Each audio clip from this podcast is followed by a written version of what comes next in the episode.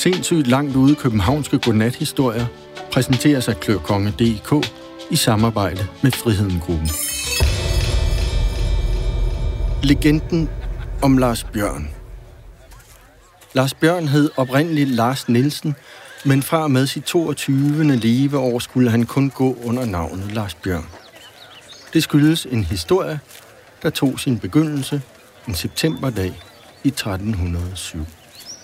Lars Nielsen blev sammen med en masse andre unge mænd indkaldt som soldat, for kongen havde set sig sur på nogle irriterende typer, der boede nede sydpå, og irriterende typer, mente kongen, skulle have tæsk.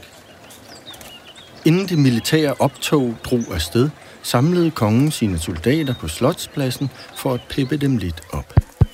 Nu skal de have tæsk, råbte kongen og løftede sit svær. Og alle soldaterne løftede deres spyd og svær og møggreb, og hvad de ellers havde, og råbte i kor. Yes, nu skal de have tæsk,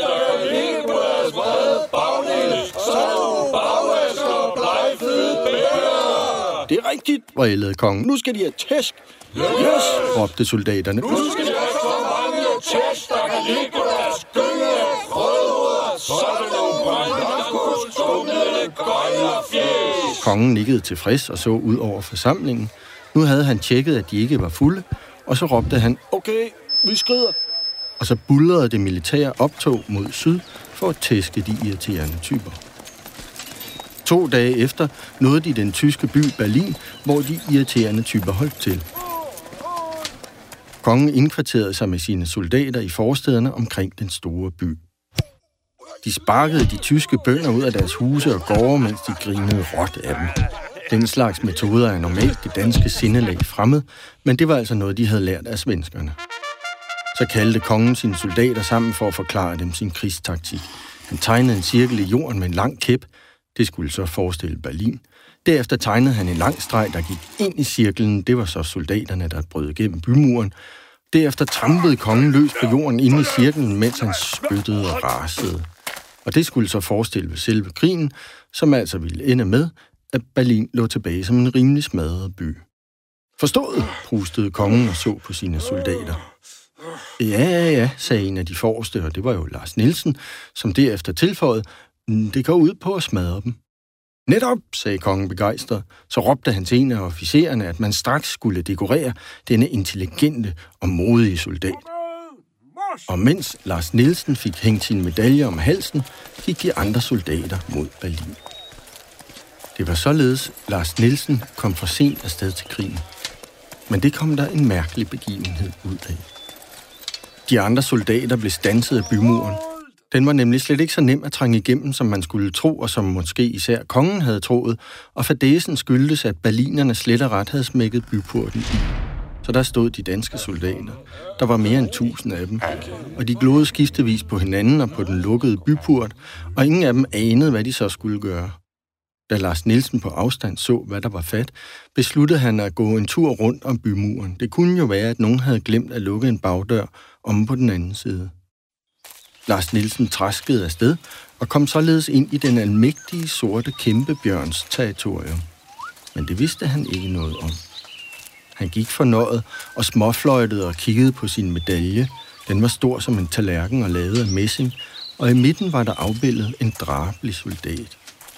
Rundt om denne tegning stod der med fine bogstaver næsten uden stavefejl bortforæret til hin soldat i den danske hær for overmåde stor courage og for at kunne bruge hjernen.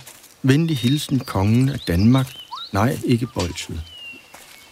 Mens Lars Nielsen gik og studerede sin medalje, fik han et listende og lundende følgeskab.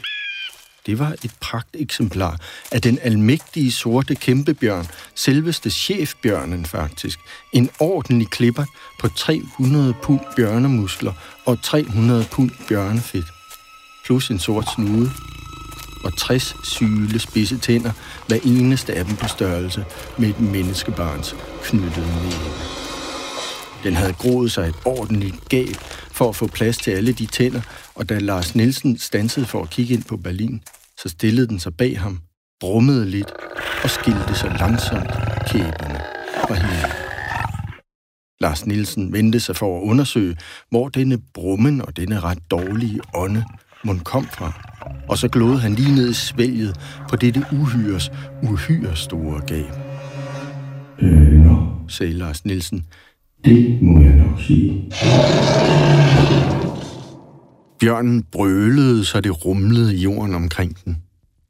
Lars Nielsen trådte lidt tilbage, ganske langsomt, mens han endnu langsommere løftede hånden til en venlig international hilsen, som altså også en tysk bjørn måtte kunne forstå.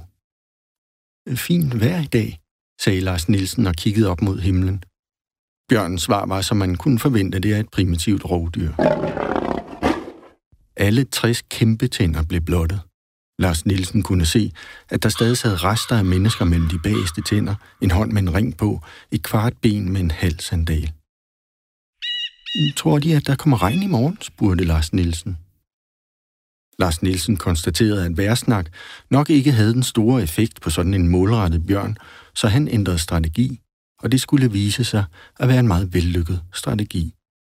Mm, sig mig engang, herr bjørn, sagde Lars Nielsen og kiggede op og ned af bjørnens vældige krop. Han dristede sig endda til at gå halvvejs rundt om den. Bjørnen fulgte ham mistænksomt med øjnene. Så stillede Lars Nielsen sig igen foran det kæmpemæssige dyr og sagde, det forekommer mig, at deres pels er, ja undskyld, jeg siger det, men det ser altså lidt ud som om, at deres pels er ved at falme. Og ganske rigtigt. Lars Nielsen kunne se, at der med det samme blev tændt en lille tvivl i bjørnens kulsorte stikkende øjne. Men det er måske almindeligt blandt bjørne her på egnen, spurgte Lars Nielsen så. Bjørnen kiggede ned af sig selv. Ja, det er jo ikke for at fornærme, at jeg siger det. Men i Danmark, der har bjørnerne nu engang langt mere, hvordan skal jeg sige det, langt mere glans i deres pels. Bjørnen kiggede på sin forpote med sine nærsynede øjne, og den så stadig mere bekymret ud. Derefter satte den sig ned på sin fede og gennemgik pelsen på det ene bagben, omtrent hår for hår. Det forfængelige væsen var nu vidderligt blevet i tvivl om sin egen pragt. Lars Nielsen gik hen og lagde en trøstende hånd på den ene af bjørnens brede skuldre, og han kunne ikke lade være med lige at nulre dens pels lidt, for den var virkelig af en kraftig og lækker kvalitet, men det sagde han selvfølgelig ikke. I stedet sagde han, jeg tror, der findes en løsning på problemet. Bjørn drejede sit hoved mod ham, sit enorme bredkindede bamsehoved. I sig selv vejede det vel tæt på 100 pund. Jeg tror, løsningen findes derinde, sagde Lars Nielsen og pegede ind mod Berlin. Bjørnen kiggede også ind mod byen og rynkede sig kraftigt på næsen. Jeg ved det, sagde Lars Nielsen. Menneskebyer er som regel fulde af stress og jag, og det er i hvert fald ikke godt for pelsen. Men man har i Berlin gjort en opfindelse, der kan komme områdets lidt øhm, falmede bjørne til gode. Mennesker elsker nemlig også at pleje deres hår. Min ven, sagde Lars Nielsen alvorligt, man har i Berlin netop opfundet produktet hårbalsam. Bjørnen kastede igen et blik på sin forpote og kiggede derefter ned af sin tykke vom og pillede lidt i hårene med sine skarpe klør. Så rejste den sig beslutsomt. Den kaldte nu de andre bjørne sammen med det for den almægtige sorte kæmpebjørn så karakteristiske kaldesignal. Whoa, look at that, mate. That's the almighty giant black. Lidt efter kom de myldrende, en hær af almægtige sorte kæmpebjørne. Tilsammen var der over 100. Lars Nielsen blev noget bekymret over, hvad det var, han havde fået sat i værk, og håbede, at denne mærkelige historie måtte få en lykkelig ende. Og en lykkelig ende var i hvert fald at undgå at blive et. Da bjørnene blev enige om, at der var stor fare for, at deres pelse var ved at falme, og at det altid var værd at tage en risiko for at forhindre en permanent dårlig pelsdag, så drønede de mod Berlin. De ville have poterne i dette vidunderprodukt, der var kendt under navnet balsam. De danske soldater sad stadig uden for byporten og diskuterede, hvad de skulle gøre. Okay, øh, hvor mange stemmer for, at vi skal boykotte tysk vin? 1, 2. Okay, 4-5 stykker. Øh, ja. Hvor mange stemmer så for, at vi skal boykotte ulækker tysk gimmelost? Tysk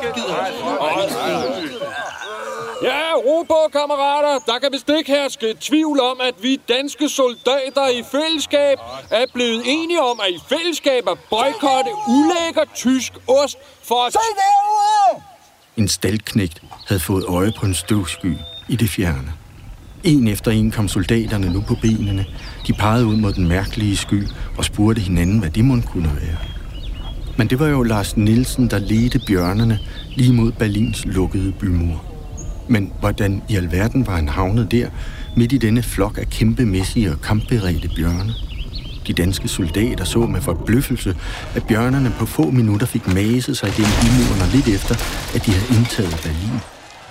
Et par af soldaterne luskede efter og konstaterede med lige så stor undren, at Lars Nielsen dirigerede bjørnene mod frisørsalongerne, og lidt efter, at han gned hårbalsam i den største bjørns pels. Man havde aldrig set noget lignende. Da Lars Nielsen fik øje på sine kammerater, sagde han til bjørnen, at han blev nødt til at smutte. Bjørn gav ham et farvelknus, der nær havde slået ham ihjel. Og lidt efter gik de danske soldater i samlet flok tilbage til kongen og rapporterede, at nu havde berlinerne fået en lægerstrøg. Må vi så godt tage hjem, var der en, der spurgte. Og kongen sagde, at det måtte de da i den grad, og så gik det mod København igen under fællesang og munter råb. Hver gang de gjorde holdt, fik Lars Nielsen en ny medalje, og nogle gange blev han ligefrem udnævnt til ridder af dit og dat. Til sidst var han så overdekoreret, så belagt med hedersbevisninger, at han måtte have nogle af sine kammerater til at hjælpe sig med at slæbe sagerne. For kongen havde medbragt et kæmpe arsenal af medaljer, diplomer og pokaler, alt muligt skrammel.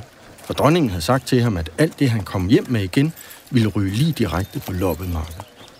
Men det var altså sådan, at Berlin fik et bjørneregimente, der skulle vare i 100 år, og det var sådan, Berlin fik bjørnen i sit byvåben. Og hvad Lars Nielsen angår, fik han naturligt nok øgenavnet Lars Bjørn, og da han døde, fandt man det værd at mindes hans store bedrift, og ikke mindst hans enorme medaljesamling, med et vaskeægte Lars Bjørnstræde.